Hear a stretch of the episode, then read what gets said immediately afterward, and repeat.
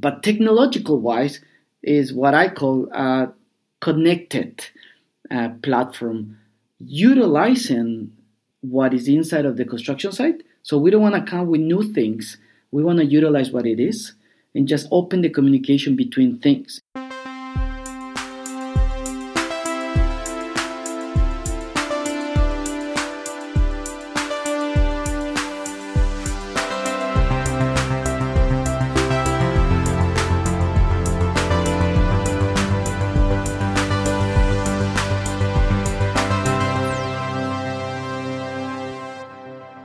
Welcome to Heja Framtiden, the Swedish podcast on the future. Um, I'm sitting here with uh, Xavier Leon.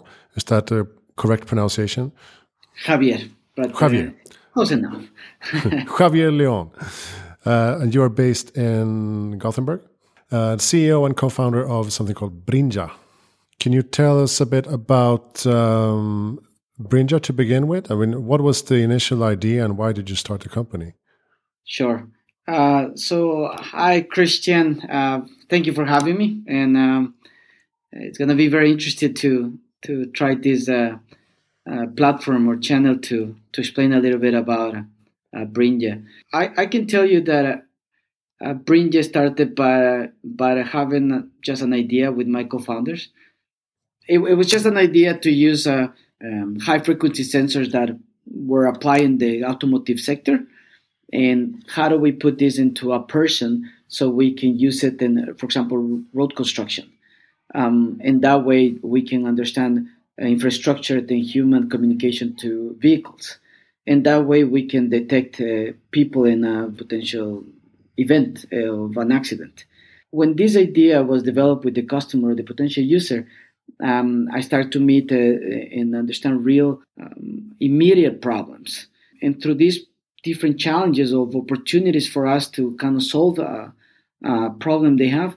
I, I, met some site managers and and they will start telling me, you know, this wearable sounds like you know the future.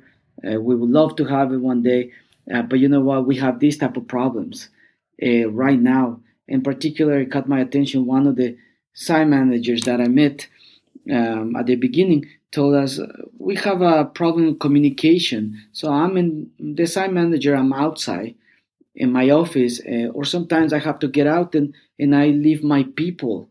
You know, they take it as a family inside of this project. And if something happens, I always have been worried the past five years. He literally said five years.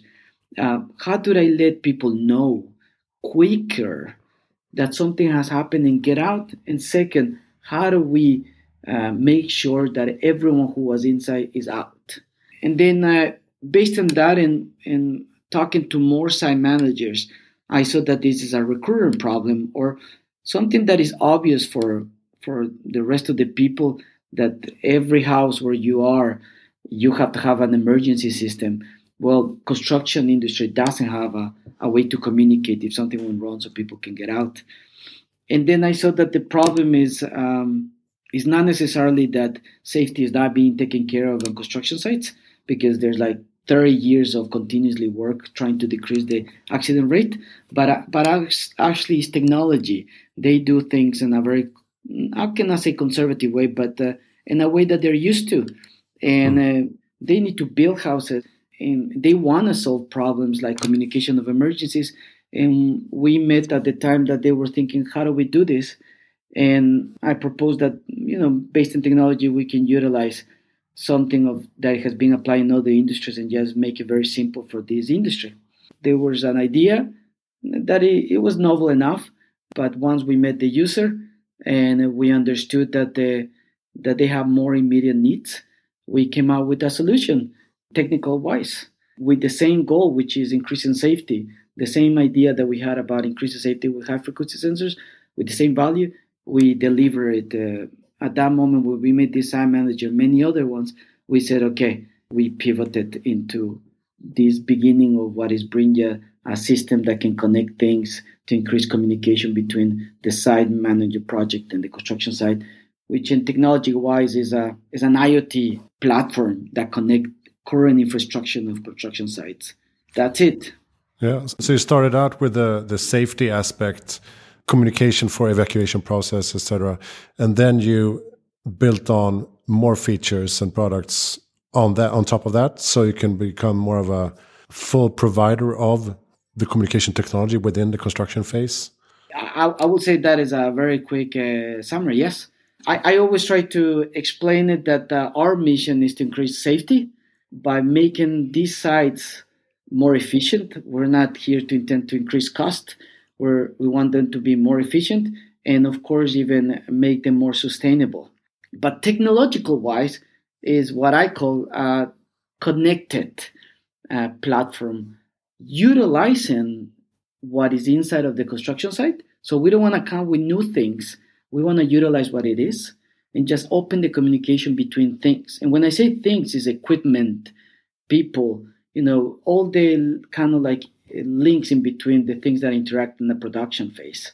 You know, Google Home or Apple Home or you know all these uh, software platforms that connect multiple devices and they might get kind of a little bit open just it depends on the connectivity frequency the same but in construction site hmm. the only big difference is that value our value is to increase safety and make it truly productive which means decrease the cost and make them faster in what they do good, which is build.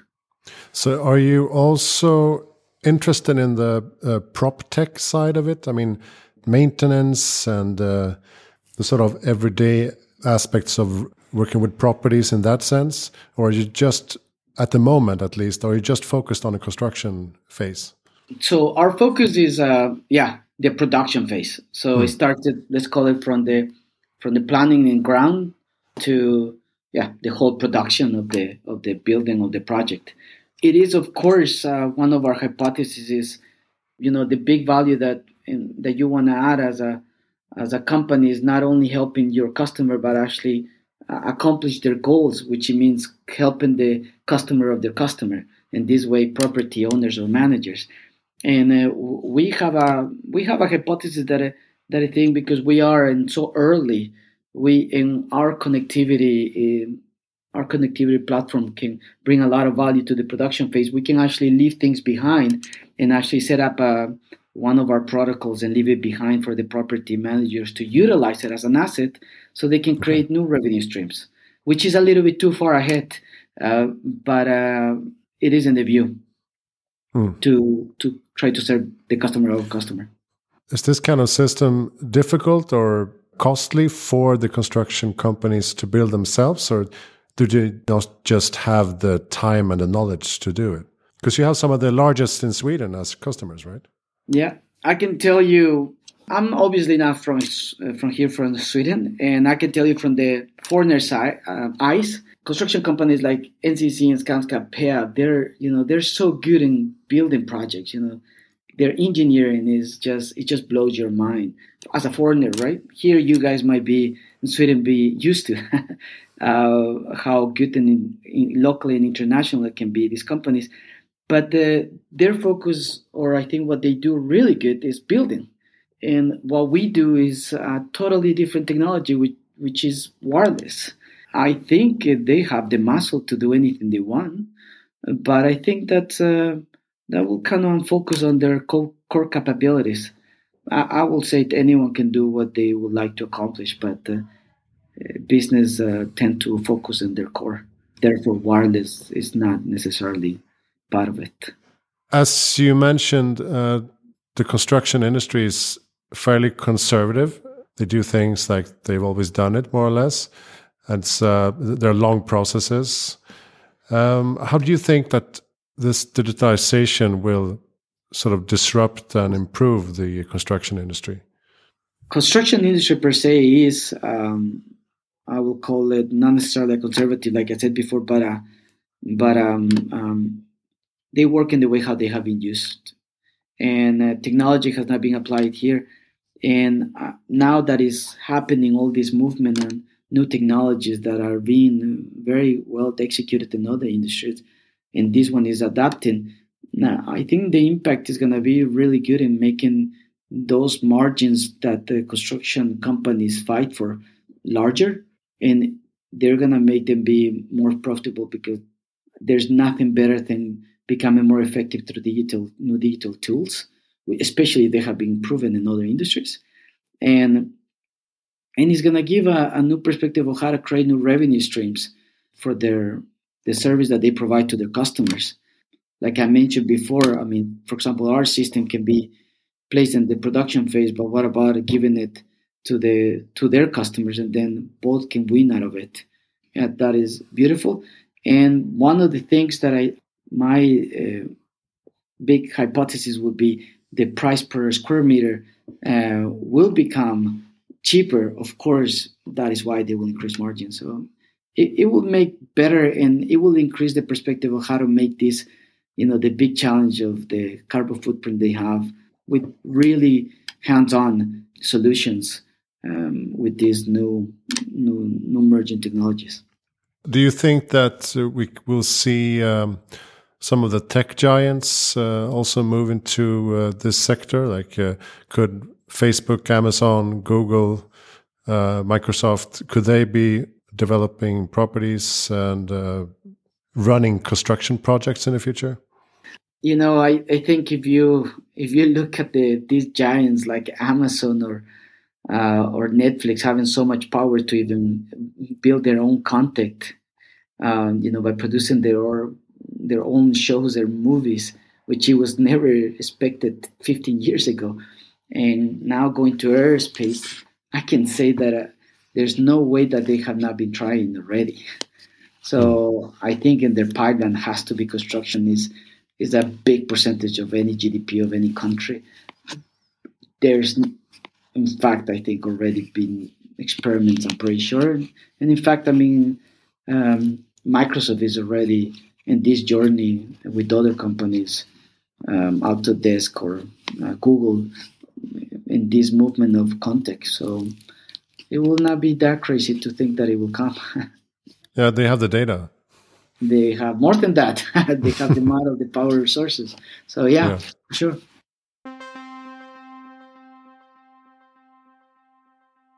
When it comes to construction technology, I, I assume there are lots of new technologies that are sort of uh, co-emerging and converging in different ways of 5G development and Internet of Things, as you said, big data.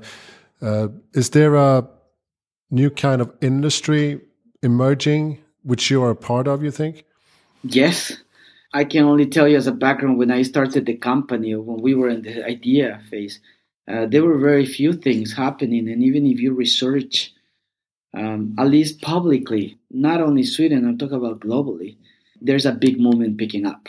There's a McKinsey report uh, in 2016, I think, or 2015, you know, where analyze uh, real uh, construction industry being one of the least digitalized. And many of these companies have received the same report or something similar. And you know, construction is in, in in the bottom. Financial sector and fintech, and that is in the top with telecom. But all these, I would say, four years, you you start feeling it. There's so many more things appearing. Uh, that means that they were already being working out before I tried to look for them, and now you can start seeing the results and the synergies with the users. So yes, it's it's a domain that uh, is taking place around the uh, startups. Uh, uh, ecosystem and is got is coming with a big pace because there are companies like, for example, Skanska see which are really thriving for adapting. And, and I can mention many other companies, of course, outside of Sweden that are looking for adapting. Yeah, so there's a new domain happening right now, so to speak. And you mentioned sustainability as well as um, a positive outcome of using this technology. Uh, can you elaborate a bit about that? How can the construction process be more sustainable with this uh, kind of connection? Sure. Maybe just to give a very quick uh, explanation first about our product. We deliver this as a service, but um, our product is consists of hardware and software, and we deliver all our services through basically a mobile application. So what we do is we have these two pieces of hardware. Uh, we call it Core and Node. Core works as a connectivity hub or a gateway if you compare it to a home um, device. And we have a Node, which is a multi-sensor device. And these two, uh, you put them around the construction site, but what we tried or we aim to do is to be cost efficient by utilizing the infrastructure that they already have in place. For example, this core not only works as a gateway, but also connects and it works like a switcher for the temporary lighting system that these projects set up so they can have it through the production phase.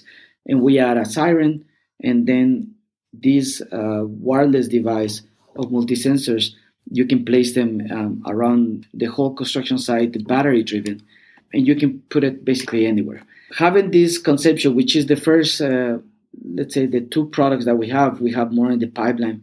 Based on this conception that you have a one connection point to the cloud and then a local network that we create around the project, that's a little bit how it works. So, how easy it is, uh, I can tell you like a story is this was built so someone that is not tech driven with a tech background like me can be using it and implement it. So it's a plug and play solution. As an example, our first project that we did when we were just a prototype, it took us the implementation three weeks, 15 working days. And now the same exactly project, we can do it in 11 hours.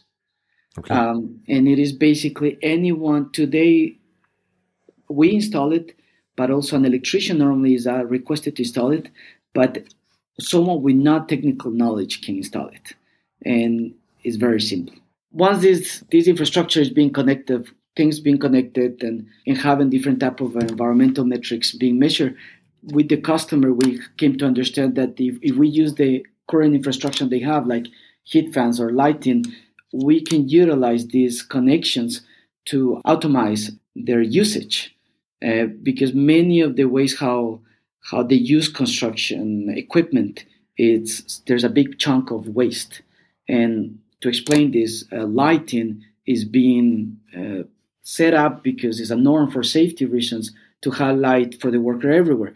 Um, the challenge is, is that sometimes it's being left on the whole time. Do that we have um, uh, our device to be cloud, uh, like a cloud switcher, like on and off, uh, we can we can set up some timers plus utilize our sensors to tell you the traffic of people and start uh, monitoring. Okay, there's people in floor five and turn the lights off, or or tower A or B and in that way they can help out in, into decreasing the electricity consumption for example so it's not only for uh, for playing around like at home you have a smart uh, light bulb and, and you turn it on turn it off uh, for fun. And in the construction side will be to help out into having a better work environment and, and decrease the cost. In the same way you have heat fans. And we have this sensor device and and sometimes you put different type of fans to to hit a wall or because it's about to be paint, uh, painting. And we have the sensor, and if we control this heat fan, we can tell you you don't need more than 28 degrees, so turn it off. Or please don't, you can set up that the that it doesn't go below 15, which is the ideal climate. That's 18, the ideal climate, and uh, we we turn it off when the when the when the weather is going down, and mm. in this way this infrastructure of connectivity and equipment can be utilized to actually benefit the construction site to make it have a, a carbon footprint uh, um, at the bottom line. And this is just the beginning because we do this motion, these are actions of on and off based on temperature, of movement, etc. But uh, the interesting thing will be when we can utilize a little bit more data and actually predict how to turn it off, turn it on uh, when actually is needed and, and make it way more efficient. Yeah, so that's how we we can utilize this platform to make these uh, projects more sustainable and have a carbon footprint. Um, very simple, and today there's nothing to be researched. It's very hands-on, on and off between devices. So tell us a bit about yourself. You come from Ecuador. Yes. How did you um, end up here in Sweden? So, 14 years ago, um, I came to study um, a master's um, in economics. Um, I randomly chose Sweden. Um, I didn't know anything too much about Sweden besides uh, one of my top of mind is safety. so Volvo did a good job around the world. And I came here basically very randomly. Back then, I was living in the United States, finishing my school. Sweden changed my mind and, my way how I am today. I was very, I would call myself Americanized at that point, and came here. I saw totally a different approach of what is the standard of good living. It's not about speed or, or it's about doing things right, step by step. And after my studies, I went back to my country, and then uh, seven, eight years ago, I came back again, and that's how I ended up a little bit in Sweden. Okay, so do you have, do you still have a close connection to Ecuador? yeah, of course, my whole my whole family except my mom and one of my sisters live in the uh, United States. Um, but yeah, my whole family, friends uh, from different schools, uh, they're still there, the majority. Hmm. What do you see as the development for Ecuador? I, I was there a, a, few years ago, actually, on a, a press trip for travel journalists. So we probably saw the more um, uh, fancy side of it, but uh, it was very nice and beautiful. But can you tell us anything about opportunities and challenges facing Ecuador? Uh, you mean like in, in, general, or you mean about? Yeah, you're you're a spokesperson now for an entire country. I have very strong views about um, you know the the challenges of my country, and I think it is it relies only on one thing, and uh, which is um, I will call it. Um, oh, actually, will lie in two, and there are very strong perspectives. One it is security. I don't want to sound alarming. We're not. Uh, we're not a dangerous country, but we have certain type of behaviors that makes us to be always worried about how to do things or what time to get out, what time to get in, because there's a possibility of someone maybe doing something to you, like uh, very simple things, and tackling that challenge, which is making our country secure, is one of the, I will say, major priorities. And in fact, I think the, the president elected, one of his targets is doing that. So I share that view. And the second one is, uh, I don't know how to put it in a very big picture, but uh, transparency or or working uh, for the good of everyone, not only the good of, of you. Um, I'm not talking from any socialistic point of view or, or, anything. I'm talking about more about, you know, in order to get the country to an, a new phase, you have to be caring about uh, bringing everyone together up and not thinking about you by yourself. In some way, we're very, we're very family oriented, but when it comes to to go ahead, I think based on our nature, trying to always be better, we we kind of don't think about how do I go how do I go better and just bring more people up with me. You cannot try to like go up. And sometimes you don't see that you might be hurting the person next to you. So I think that that way of thinking of being I don't know if it's a good term transparent, but uh, solidarity. Yeah, solidarity might be, but I don't want to put it to solidarity as a because it can be misinterpreted. But uh, you know, helping out each other to go forward mm. and together I usually ask uh, my guests, uh, what is your best tip for making the world a better place in the future? Something that I have learned uh, all these years between uh, sharing a type of cultures or being always international, it's being kind. I think uh, that is uh, the most important thing, regardless how much ambition you have and and how much you progress, how fast you do it if you're kind uh, with each other, and therefore many other things or many good values will come out, like respect and solidarity, etc. Um, it can bring people in forward. Just hmm. being kind to each other between humans, it will, it can make us be better persons in the future. Do you have a good uh, reading tip or podcast tip?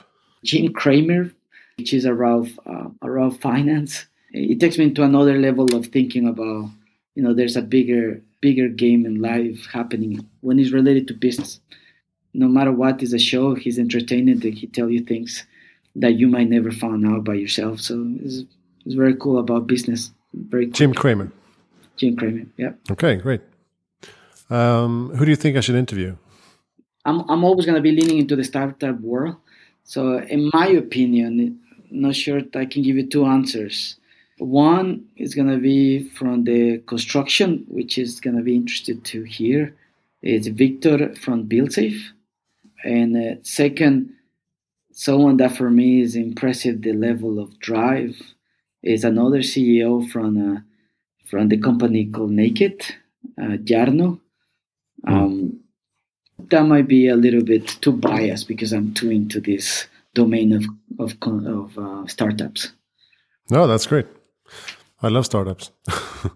mm. All right. Thank you so much, uh, Javier Leon, for joining Heja Framtiden. And uh, make sure to check out brinja.se mm. for more information about your services. Thank you, Christian. And uh, it was a pleasure. Yeah. Check out hejaframtiden.se for more information about the podcast and my other projects. Tune in next week for something else. Thank you for listening.